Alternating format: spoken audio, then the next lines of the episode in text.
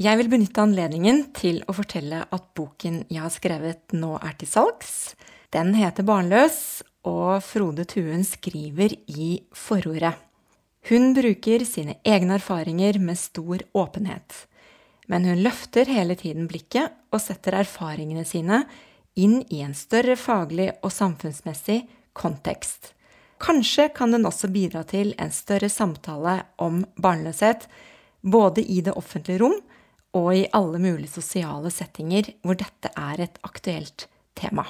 Boken kan bestilles i bokhandelen eller kjøpes portofritt på Sett forlag. Dette er en podkast om barnløshet. Jeg ønsker å finne svar på hvorfor temaet er så viktig for oss. Jeg vil grave frem fakta på området, og ikke minst dele de viktige historiene bak.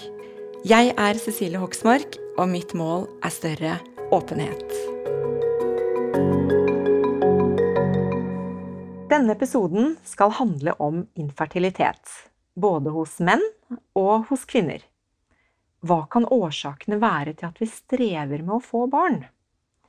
Og det ønsker jeg å snakke med deg om, Nan Birgitte Oldereid. Velkommen. Takk. Du er eh, gynekolog med spesialkompetanse i assistert befruktning. Og tidligere så jobbet du på Rikshospitalet men nå så er du klinikksjef på en privat fertilitetsklinikk i Oslo som heter Livio. Men i tillegg så har du forsket mye på området, og det er jo derfor jeg syns det var ekstra spennende å få deg her i denne podkasten. Og først så vil jeg gjerne at du forteller litt om deg selv, og gjerne også litt mer om din bakgrunn. Ja, Først av alt så er det jo veldig hyggelig å få komme hit. da. Det Å snakke om det som jeg brenner for, og som jeg har jobbet med i største delen av mitt, uh, min yrkesliv, egentlig. Og jeg begynte jo egentlig med dette da jeg var student. Litt tilfeldig kom jeg borti en forsker som het Ken Purvis. Og som da drev en bitte liten lab med mange stipendiater. Og det var eh, blomstrende aktivitet, og jeg ble fort engasjert i forskning der hos han. Da var det mest med rotteprostata og testikler. Og så laget vi et prosjekt som gikk om miljøfaktorer og mannlig infertilitet. Det var jo litt vanskelig å få gjort dette her ferdig når jeg var student, og vi utvidet og fortsatte. Og så disputerte jeg da på et prosjekt i 99, og det var om eh, miljøfaktorers betydning på mannlig Eh, reproduksjonsfunksjon. Og så begynte jeg å Etter det, da jeg hadde disputert da, i 99, så fikk jeg jobb på eh, fertilitetsseksjonen eller avdeling for eh, reproduksjonsmedisin på Rikshospitalet, nå det som heter Oslo universitetssykehus i dag. Og jobbet der i mange, mange år. Og da var jeg ferdig spesialist i gynekologi. Og obstetrikk, altså fødselshjelp. Eh, og siden har jeg drevet, da som du sa, jeg holdt på med litt forskning. Jeg har vært eh, så heldig å få lov å være medveileder på en doktorgrad om IVF og, og kreft hos mødre og hos barn. Um, og så har jeg de senere år også sett litt på hvordan det går med barn som er født etter at um, foreldrene har vært i forskjellige assist typer assistert befruktning. Ja, og de to temaene du nevnte der, det har jeg tenkt å lage en egen podkastepisode om. Ja, men det er bra. Altså konsekvensene. ja. ja. Og det er jo så viktig, at eh, det første barnet på verdensbasis ble født i 78, så det barnet er jo da så vidt over 40 år. Eh, og det første norske barnet ble født i 84. Så foreløpig så er jo barna fortsatt eh, De er voksne, men de er ikke så gamle, så det er viktig at vi følger opp de barna også når de blir voksne og eldre, og også barnebarna. Så vi ser at det går bra med de også. Men så tilbake til dette hovedspørsmålet mitt, som kanskje er veldig stort. Eh, men vi skal prøve nå i den podkasten å få tegne et slags bilde av eh, hva som gjør at vi har problemer med å få barn. Eh, og du sa til meg at vi, vi starter med, med, kvinnene, og så fortsetter vi med mennene. Og da, er, da, må jeg bare stille deg det spørsmålet. Hva, ja, hva er årsakene? Hvorfor, ja. hvorfor, strever vi? Ja, og det kan være så mangt. Og vi vet at ca. en tredjedel av årsakene er hos mannen. Så er det kanskje en 50% som skyldes noe hos kvinnen. Og så er det en 20% hvor man har øh, årsaker hos begge to. Um, og det viktigste er jo da å gjøre en ordentlig utredning først. For å prøve å finne ut om man kan finne ut hva som er årsaken, for da å si noe til det paret om hvilken behandling er den som er best, eller kanskje enklest, for paret å gjennomføre. Noen behandlinger er enkle, og noen andre behandlinger innfører, eh, medfører mye mer hormonbehandling, sprøyter, smerter, ubehag, mens andre ting kan gjøres mye enklere. Så da, som sagt, da er det viktig å gjøre en ordentlig utredning av paret først. Og da sier jeg paret, ikke bare kvinnen, for ofte så er det kvinnen som går til eh, fastlege eller går til sin gynekolog, og mannen ofte blir med litt senere. Dette har nok endret seg litt over tid, sånn at i dag syns jeg ofte mennene er ofte mer med eh, i utredning tidligere enn de var før. Og det man jo da tenker på at man må undersøke og finne ut av, det er jo om har kvinnen eggløsning? Har hun regelmessig menstruasjon? Eh, om hun ikke har eggløsning, så kan man jo gi noen tabletter, sånn at hun får eggløsning. Så kan det være en enkel måte å løse det for det paret. Så kan det være kvinner som har problemer fordi at egglederne kan være tette. Det kan jo være infeksjoner, det kan være komplikasjoner etter operasjoner. Det er mange årsaker. Så det kan også være nyttig å undersøke om egglederne er åpne eller tette.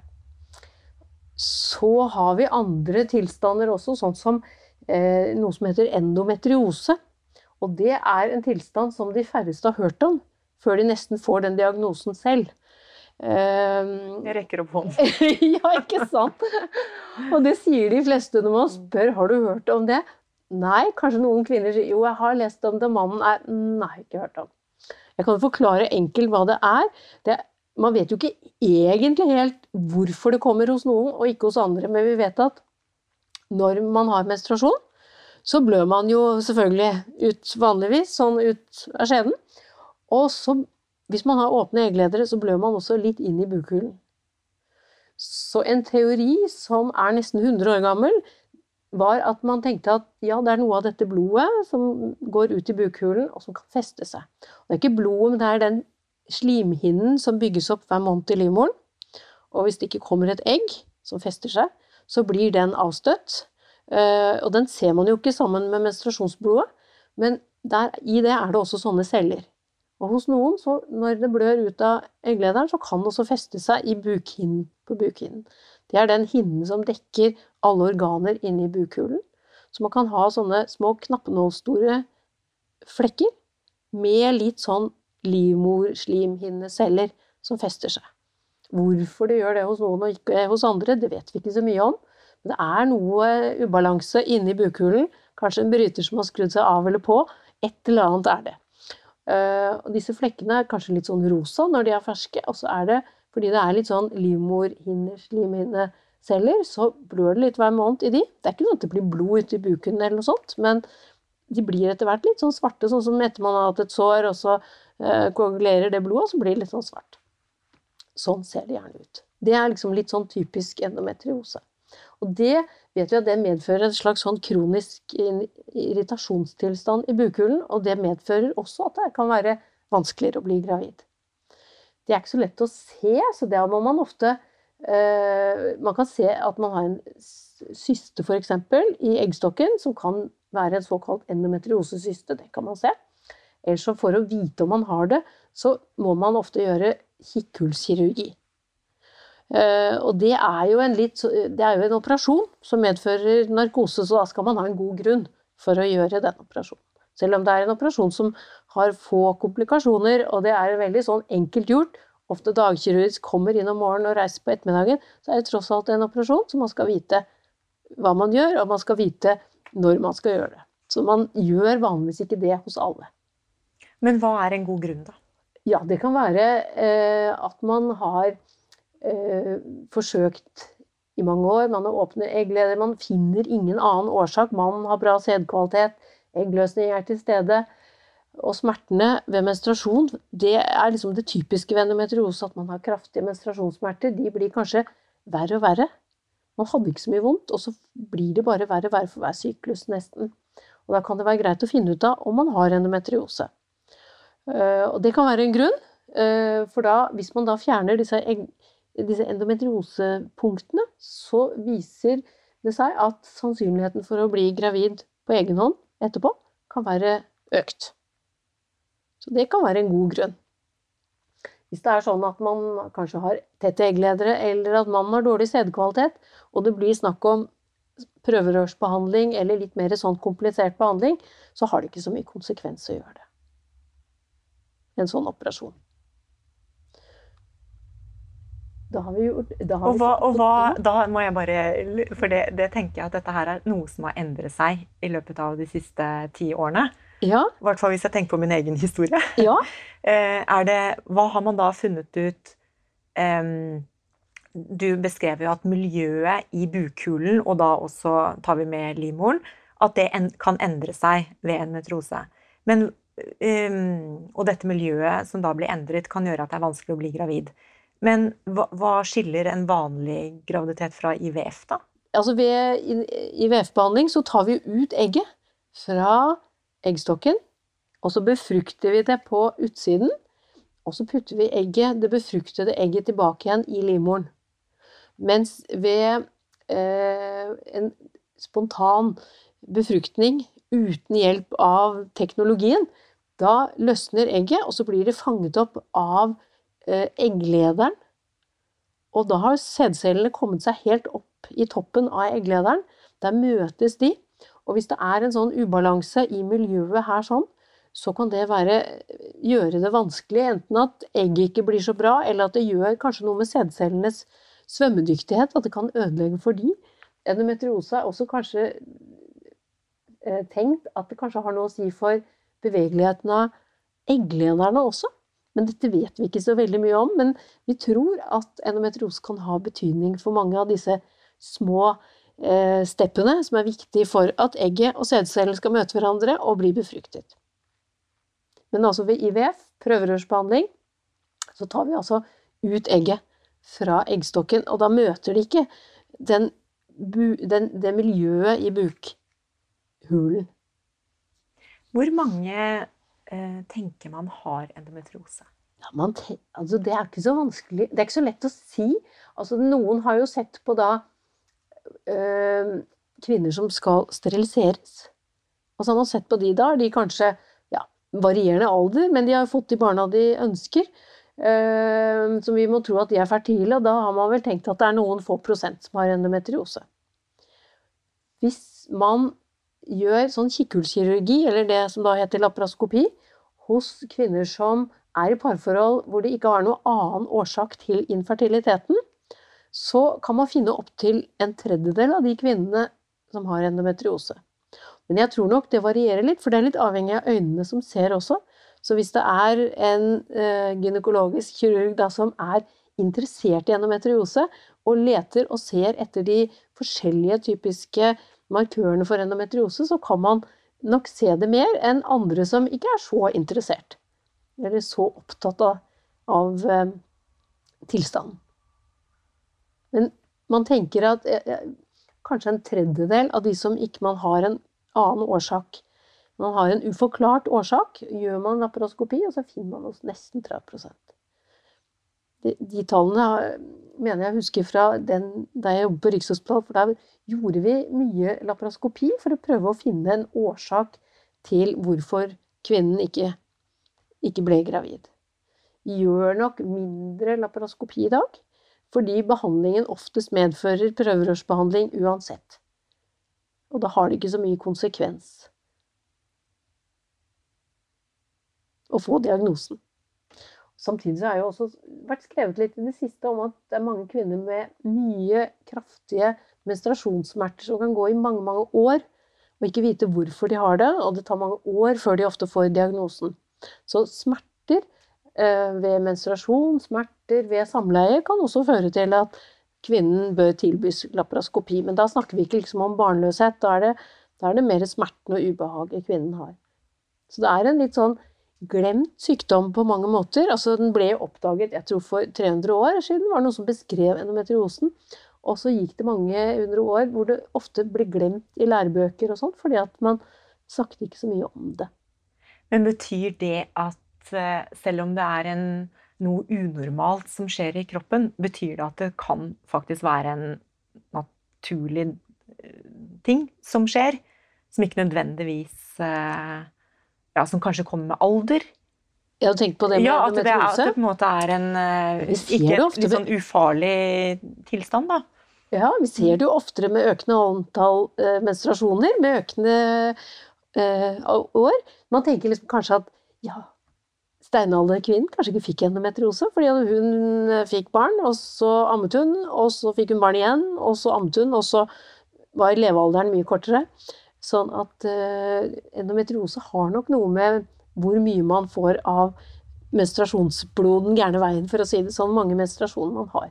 Så kvinner som ikke har eggløsning, de har sjeldnere grad endometriose. Men så er mye vi ikke vet om den sykdommen, så det foregår mye forskning rundt omkring for å prøve å finne mer om det. Ja. For du kaller det fortsatt en sykdom? Ja. Ja, ikke sant? Uh, ja. ja. Ja, det, ja, det gjør det, altså. Ja. Men man kan jo si er det en tilstand, en sykdom? Hva er det egentlig? Det er jo det er, noe, det er en, en, tilstand som lager en kronisk betennelse, som tensestilstand inni bukhulen. Men hva mm, andre mm, symptomer kan det gi? Eh, du nevnte smerter ved menstruasjon, ja. men er det noe annet? Denne betennelsestilstanden? Det er smerter, ubehag i forbindelse med menstruasjon, ved samleie. Eh, noen har plager knyttet til tarm og urinblære, fordi at den endometriosen kan være ganske hissig hos noen og lage sammenvoksninger, sånn at organene blir liksom ikke så bevegelige inni bukhulen som de ellers er. Sånn at når kvinnen har menstruasjon, så får hun diaré fordi at tarmen blir påvirket. Det er faktisk sånn at endometriosen kan vokse inn i tarmveggen.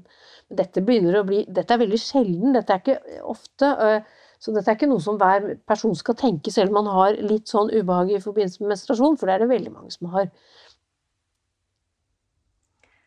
Nå har vi vært gjennom eh, manglende eggløsning, tette eggledere ja. og endometrose. Ja.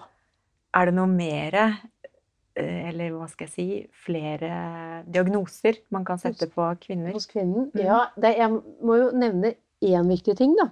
Og det er alder. Det er jo ikke noe diagnose. Eh, men vi vet at alder har mye å si for sannsynligheten for å bli gravid. Og med økende alder så blir faktisk eggene dårligere. Det blir litt sånn som med den der eggpakken, at det er en sånn best før-dato. Det skjer ting inni eggene når egget skal bli befruktet.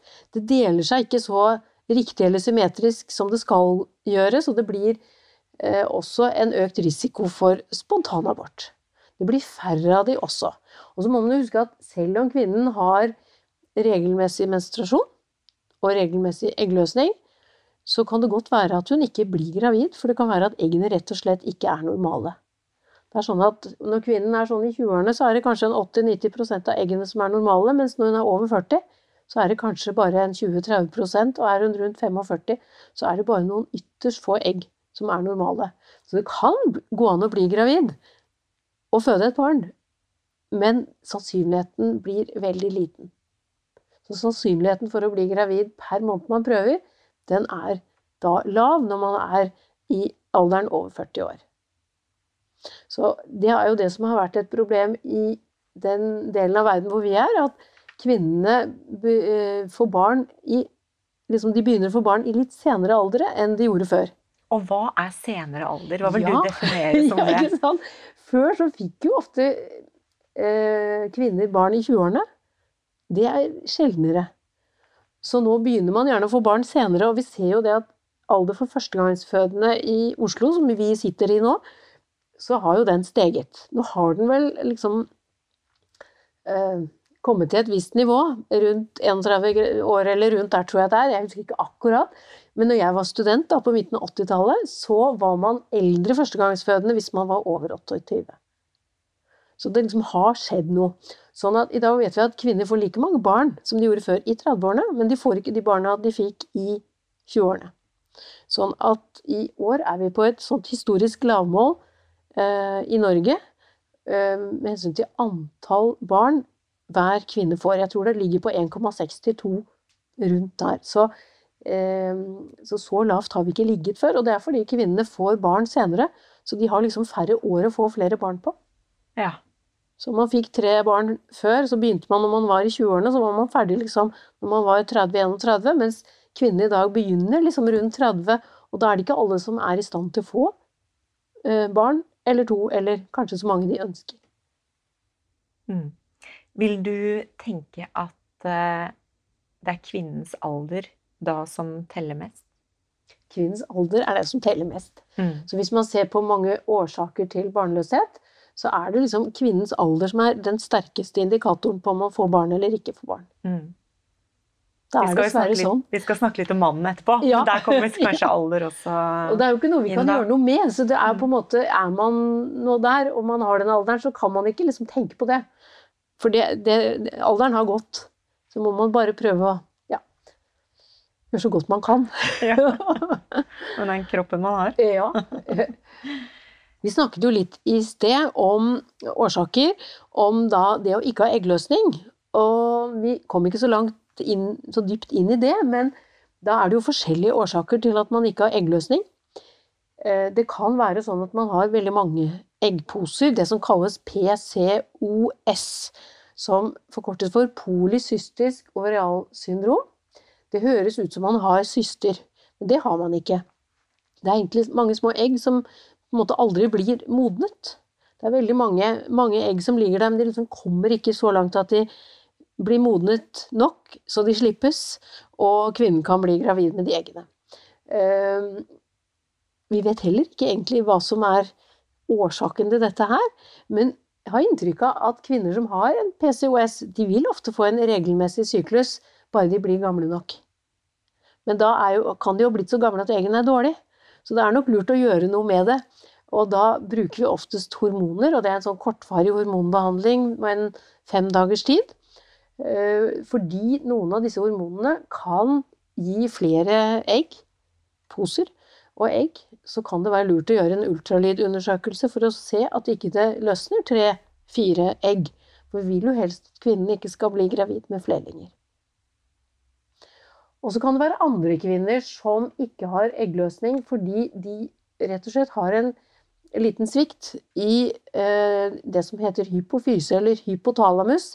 Det er noen strukturer oppi hjernen som, studerer, som eh, regulerer hormoner i kroppen, stoffskifte, og for eksempel for noen kvinner som har gått veldig ned i vekt, hatt spiseforstyrrelse, og så har de kommet seg opp i vekt igjen. Så hender det noen ganger at den bryteren skrur seg av. For er man kommet under en fettprosent på rundt 20% i kroppen, så mister man faktisk menstruasjon.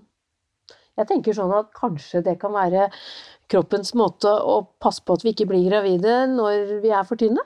Det gjelder også det samme at hvis man er, eh, har en BMI, altså en sånn kroppsmasseindeks, eller altså vekten er veldig høy, sånn at den kommer ja, kanskje BMI er oppimot 40 eller 37-38, det er litt individuelt der, men da vil mange kvinner oppleve at de faktisk mister menstruasjon.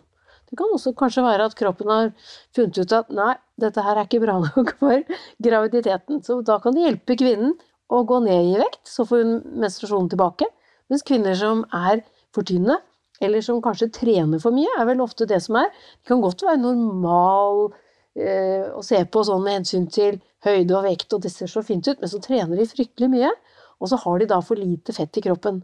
Så hvis de klarer å få i seg enten litt mer sånn gunstig fett med ja, litt olivenolje og mandler og litt avokado og sånn, eller trener litt mindre, så vil ofte en del av de få tilbake menstruasjon. Men så er det da noen som sagt som da, akkurat som en bryter som er skrudd av, at de får ikke den tilbake. Og da må vi ofte gi noen hormonsprøyter som vi stimulerer eggstokken, sånn at de får modnet frem de eggene som bare ligger og venter på et sånt stimuleringshormon, som da ikke slippes helt løs. Men det, nå sitter jeg og tenker på, det høres jo ut for meg som at en del av dette kan man gjøre noe med? Ja, absolutt. Ja, Ja. av eh, egentlig alle Og ikke diagnoser. minst særlig det med, det med det, der hvor årsaken skyldes for mye vekt eller for liten vekt. Men det er ikke lett heller. Mm. For det vet vi jo alle. At det å, hvis man ønsker å gå opp i vekt eller ønsker å gå ned i vekt, så er det ikke så lett. Mm. Så man må ofte ha litt hjelp. Og, og når det gjelder det med vekt, faktisk, så ser jeg jo at eh, i alle kommuner så har man sånn frisklivssentral. Som er sånn lavterskeltilbud med vekt og, det, og aktivitet. Og det er en god del som faktisk har nytte av når det gjelder de som er overvektige. Som klarer å gå ned noen kilo i vekt, og så kanskje de får igjen menstruasjonen. Så kanskje de ikke behøver noen hormoner eller noe som helst. Mens andre som da har PCOS, sånn polycystisk varialsyndrom igjen, eh, har god nytte av tabletter.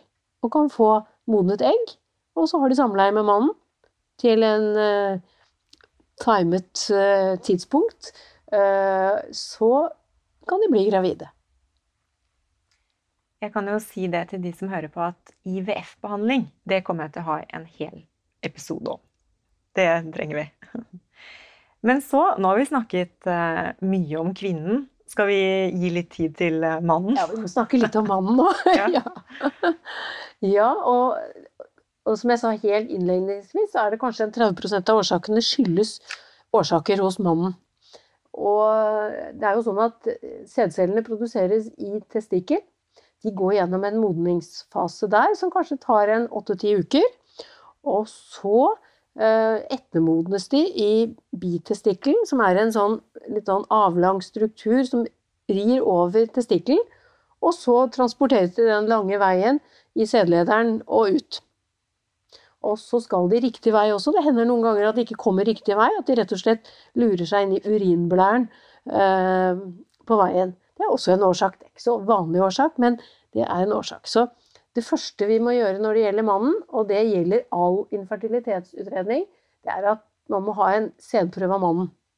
Han må gå til en eh, sædlaboratorium og bare levere en sædprøve. Da anbefaler vi gjerne at han har hatt sædavgang sånn to-tre dager før han kommer til oss, eller før han leverer den sædprøven, sånn at ikke de sædcellene som er der, er for gamle, og at han ikke har hatt altfor mange sæduttømninger rett før han kommer.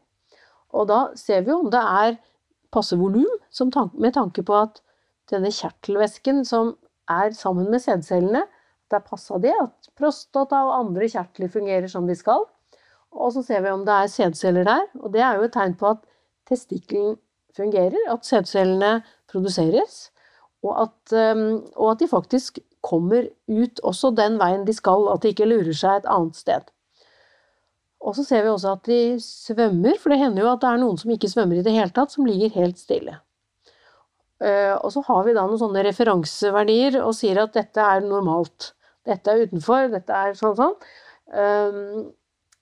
Men det er ingen test på fertilitet i seg selv. Men det er en test på at systemet hos mannen, at underlivsorganene til mannen, fungerer sånn som de skal i forhold til sædproduksjon, sædmodning, og at det er sædceller til stede som kan forhåpentligvis brukes. Så så lenge det er sædceller til stede som svømmer, så er det mulig å bli gravid. Så det er liksom ikke noe sånn at er det under en viss, så er det ikke mulig. Det kan vi ikke si. Eller er det over så og så mye, så vet vi at mannen blir gravid. For det er jo avhengig av konen også. Så det er jo på en måte partner, paret sammen. Så du må jo ha god egg. Det hjelper jo ikke en kvinne som er 50 år med en mann som har super senkvalitet. Det hjelper liksom ikke. Hva kan årsakene være til at disse sædcellene da ikke ja, gjør jobben sin, hvis man skal si det sånn? Hva, ja. hva er årsaken? Er, er alder hos mannen eh, en ting? Ja, er alder har noe å si, men det betyr ikke så mye som hos kvinnen. Vi kan komme litt tilbake til alder etterpå. Men eh, ofte så finner vi faktisk ikke noe årsak hos mannen til hvorfor det er sånn. Men vi har noen årsaker. Så det hører med å gjøre en eh, undersøkelse av mannen, kanskje. Eh, I hvert fall en samtale og spørre han hvis sædkvaliteten er dårlig. Eh, og hvis den er dårlig, så kan det jo være så enkelt som at han hadde feber. Hadde en skikkelig influensa. Og så kommer han og leverer en sædprøve et par måneder etterpå, så er kanskje den sædcelleproduksjonen faktisk helt satt ut av den feberen. Fordi det er jo sånn at testiklene er på utsiden av kroppen. De er litt lavere temperatur enn inni kroppen. Og har man feber, og gjerne litt kraftig feber over litt tid, så kan det sette ut sædproduksjonen faktisk helt en periode. Så man må jo høre, da, med han Hadde, hadde du feber? og så er det en annen ting som er viktig, og det er også Fikk du alt Når du leverte den sædprøven, du må jo putte den i en sånn kopp, fikk du alt oppi der, eller kom noe på gulvet? For ofte så kan det være sånn at en viss porsjon kom på gulvet, og hvis det var den porsjonen hvor sædcellene er, så blir det jo veldig dårlig. Så man har fått, har fått avklart de tingene, og hvis sædprøven da var dårlig, og man, han fikk det til, og alt var greit, så får man ta en ny prøve. Kanskje et par måneder senere. Og hvis, er, hvis det da også er få sædceller, så må man prøve å finne ut hvorfor er det sånn. For mannen har jo spørsmål. Er, hva kan jeg gjøre? Er det noe vi kan gjøre med dette her? Uh, ofte så er det faktisk ikke så mye vi kan gjøre for å hjelpe sædprøven til å bli bedre. Eller sædcelleantallet til å øke. Men det kan ofte være greit å vite at det er en årsak. Ofte eh, så kan det være Eller av og til kan det være at mannen er født med noe som heter eh, kryptorkisme litt sånn vanskelig ord, eller retinerte testikler. Det betyr at testiklene som vandrer ned i pungen i slutten av svangerskapet eller rett etter at gutten er født. Hos noen menn skjer, eller gutter så skjer ikke det. Og testiklene blir beliggende liksom litt sånn høyere opp i lysken. Kanskje de må opereres ned. Da er det større sjanse for at han har dårligere sædkvalitet som voksen mann. Så er det noen som har hatt kusma etter puberteten, og de også kan eh, ødelegge for eh, testikkelproduksjon. Og det er andre infeksjoner også som kan gi det. Nå er det jo sånn at i Norge i dag så inngår jo også kusma som en del av vaksinasjon. Sånn at det syns jeg det er mye færre som har i dag enn før. Ehm, så er det mange som spør hva med røyking? Har det noe å si? Ja, det har nok noe å si. For, men det betyr ikke så mye. Eh, det betyr litt.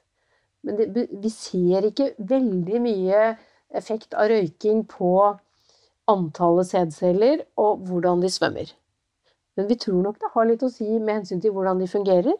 For i røyken er det, sigarettrøyken er det mye stoffer som kan liksom gripe inn og, og ødelegge for funksjonen. Så vi tror at det er lurt å redusere med røyking. Når det gjelder snus, så vet vi faktisk veldig lite.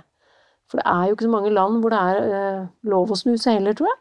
Sånn at eh, det er lite studier på det. Snusen har jo ikke eh, alle disse stoffene som vi finner i tobakksrøyken. Så det er lite, lite funn, og vi, så langt så er, virker det ikke som det har noe å si. Men snus er jo ikke bra for kroppen. Så kan man slutte, så er det kanskje lurt uansett. Eh, men å slutte pga. infertiliteten, det, det, det, har vi vel ikke noen god grunn for mannen til å si. Men vi vet ikke, og da er det kanskje like greit. Så er det mange som lurer på hva med PC, hva med mobil, alt det der. Gå med mobil i lomma, sitte med PC-en på, på fanget. Det tror vi vel heller ikke at det har så mye å si. Men det er liksom noe med det der å, å, å gjøre så godt man kan, så da får man jo være liksom litt sånn i forkant. Vi vet at faktisk underbukser har noe å si. Har man trange underbukser, så kan det faktisk bli varmere rundt testikkelen, og at det kan fungere dårligere enn ved løse underbukser. Sånne boksershorts og sånt. Så det, det, ser ut som det kan kanskje være lurt å skifte. Så er det spørsmålet hva med badstue, og hva med varme bad? Det var noen år siden så, så man på CD-kvaliteter i Europa. Og da fant man at finnene hadde faktisk best CD-kvalitet. I hvert fall i de nordiske land. Og det er der det er mest badstue. Så det har nok ikke noe å si for sånn befolkningen, men hvis det er en mann som har dårlig CD-kvalitet, så tror jeg kanskje at jeg ville allikevel være forsiktig med badstue, varme bad og sånn, for det kan jo være at han har en sånn øh, varmereguleringsproblem i testikkelen, så at kanskje han har godt av å unngå det. Og nå kommer jeg på dette med sykling. Ja! For eh, det har jo kanskje vært det italienske sykkellandslaget eller noe sånt noe som definitivt benektet at sykling reduserte settkvaliteten. Hva ja, gjør det altså, det? Vi vet jo at uh, de som har syklet uh, ja, sånne lange løp og sånn, de kan faktisk få problemer med ejakulasjon etterpå. Men det, liksom, det går over, da. Fordi okay. det presser på nerver og sånt. Uh, jeg husker en dame en gang som presenterte noen tall akkurat fra Italia, faktisk, av disse proffe syklistene. At, de, at, det var litt dårligere med De så litt dårligere ut, disse sædcellene. Men jeg tror ikke det betyr så mye. Vi, vi vet i hvert fall at de norske proffsyklistene er jo flere som har barn, så vi må vel tro at Jeg tror ikke det betyr så mye. Nei. Nei. Um, du nevnte at du hadde eh, forsket på miljøfaktorer mm. helt innledningsvis. Ja. Eh, og da eh, vil jeg høre med deg om Tror du det kan spille noen rolle? Vet, hvor langt har man kommet? Ja, altså det Grunnen til at jeg begynte med det, var fordi at i 92 så kom det en artikkel eh, som viste at CD-kvaliteten til menn var liksom på full fart nedover. CD-antallet falt. Og, og, da tenker man jo, fordi det skjer over såpass kort tid man hadde sett, over en sånn 50-årsperiode at det liksom var på vei ned, så måtte man det kunne ikke være bare gener. Det, kunne ikke være, det måtte være noe annet som var årsaken til det, tenkte man. Så da ble det liksom satt veldig fokus på det med miljø. Så har man sett også i dyrestudier at eh, f.eks. utslipp fra fabrikker, altså miljøutslipp, kan påvirke fertiliteten til både krokodiller og pandaer og fisk eh, og måker og Altså, det så har noe å si. Men spørsmålet er liksom hva, hva har det å si for oss så, for, som art, da?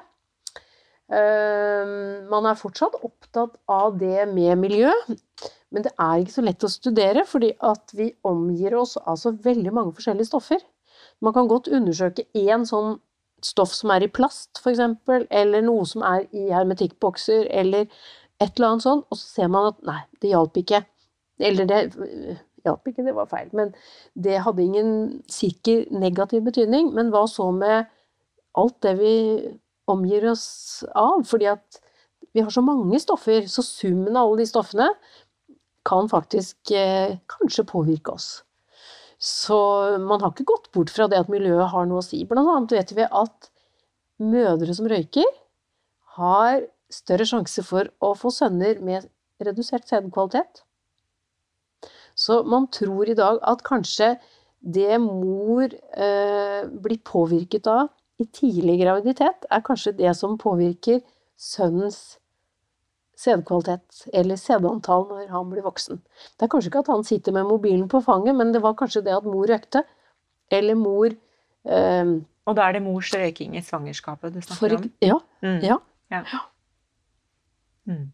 Så, så, det er mye vi ikke vet, men det foregår mye forskning rundt i verden på akkurat det med forskjellige miljøfaktorer. For vi har jo fortsatt eh, ikke fått noe godt svar på det med sædkvaliteten. Synker den, eller synker den ikke? Man har gjort nye studier, nå har det gått noen år siden 92, eh, så man har gjort nye studier, og det ser ut som sædkvaliteten faktisk går ned. Altså antallet sædceller eh, hos menn generelt går litt ned. Tror vi. Eh, I hvert fall hos oss i den vestlige verden, for det er der vi har best studier som vi kan følge. Eh, vi vet jo ikke hvordan det er, vi vet ikke om det fortsetter å synke. Og vi vet ikke helt om kanskje metodene vi bruker for å analysere det har endret seg, så det kanskje ikke går så mye ned likevel. Men vi har en grunn til å tro at det går ned.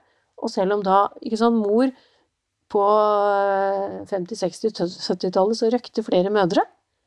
Nå er det ikke så mange mødre som røyker. Eh, men det har ikke tydet på at sædkvaliteten har gått sånn opp heller. Så det er litt sånn skummelt å se hva, hva skjer. Men man har også sett over tid, sånn i Danmark f.eks., har man sett at sædkvaliteten har ikke blitt redusert i et enkelt land, så har det liksom ikke gått ned. Men hvis man ser liksom mange studier sammen, og kombinerer de sammen, så ser det ut som det går litt nedover. Men om det har noe å si for fertiliteten eh, Fordi mannen produserer jo millioner av sædceller, gjennomsnittsmannen, sånn som friske menn. Eh, så vi vet ikke om det har noe å si, altså. Om det forklarer at eh, man får færre barn i dag, det er nok mer alderen til mor. Og alderen til far, har, som vi snakket om, har litt å si også. Men ikke så mye. Men det har jo litt å si med at mannen kanskje har litt lavere testosteron. Han får kanskje litt andre sykdommer, bruker medisiner for blodtrykk, eh, sukkersyke kanskje ved overvekt, eller sukkersyke for vanskeligheter med å ha utløsning med økende alder. Det blir færre utløsninger, og det kan gjøre til at det blir vanskeligere for kvinnen å bli gravid. Så det er ikke liksom kanskje alderen i seg selv, men, men eh, det at det er så mye annet som også kommer med alderen. Samtidig vet vi at alderen til far har litt å si for barnets helse også. Det er ikke så mye, men det har faktisk en liten betydning for forskjellige tilstander som barnet kan feile. Det er én ting du ikke har nevnt, ja, som jeg lurer på. Sikkert mange. ja, det er kanskje. Det en jeg kom på nå. Ja. Og det er stress. Ja. Ikke sant? For det snakkes jo så mye om mm. det. Du må ikke stresse hvis du prøver å bli gravid du er infertil, og det, det, er jo ekstremt stressende for folk. Ja. Eh, og den beskjeden om at du da ikke må stresse fordi det kan være skadelig. Ja. Men jeg lurer på, er det noe dokumentasjon på det? Ja, altså, jeg tror ikke det er mulig å gå gjennom en fertilitetsbehandling uten å tenke på det. For jeg tror alle, Det er jo det man er opptatt av, så jeg ville nesten bli mer bekymret hvis man ikke tenkte på, på uh, infertilitetsbehandlingen og var bekymret, eller ja, når man holdt på med det. Ja, altså stress kan jo ha noe å si. Fordi før, altså, før man um, kommer til utredningen, da, at man Noen har kanskje opplevd at de mister menstruasjon når de skal ha eksamen. Noen kanskje får uregelmessig syklus når de drar på ferie. Altså, sånn sett vet vi at stress har noe å si. Men i selve den derre fertilitetsbehandlingsrunde, infertilitetsutredning Jeg tror ikke det betyr noe, jeg, altså. Nei. Jeg tror, uh, Og så er det ikke mulig å si 'ikke vær stresset', for det er ikke mulig. Og i, vi, i dag er vi vel ganske sånn stresset generelt, alle, føler jeg. Jobbene blir mer stressende, byene er mer stresset. Altså, vi er litt mer sånn Så jeg tror, jeg tror ikke det har noe å si, altså. Nei. Vi eh, spurte da i den studien som jeg, da jeg begynte på doktorgraden, da hadde vi sånn spørreskjema om det med stress, og vi så på stress og hvordan mennene selv da anga nivået av stress og sædkvalitet. Vi fant ikke noe sammenheng, altså. Men det var hos mannen, da. Men vi vet som sagt at det kan, stress kan gjøre sånn at du får litt mer uregelmessig mens. Kanskje uregelmessig eggløsning. Det kan påvirke det hos noen. Men jeg har veldig lyst til å stille deg et spørsmål helt til slutt.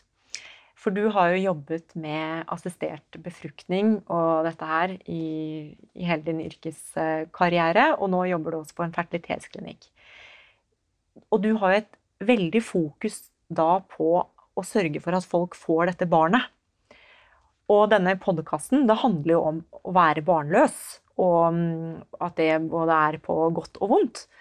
Så jeg hadde lyst til å mm, høre med deg om du har noen betraktninger i forhold til eh, dette her med hvis man da ikke lykkes.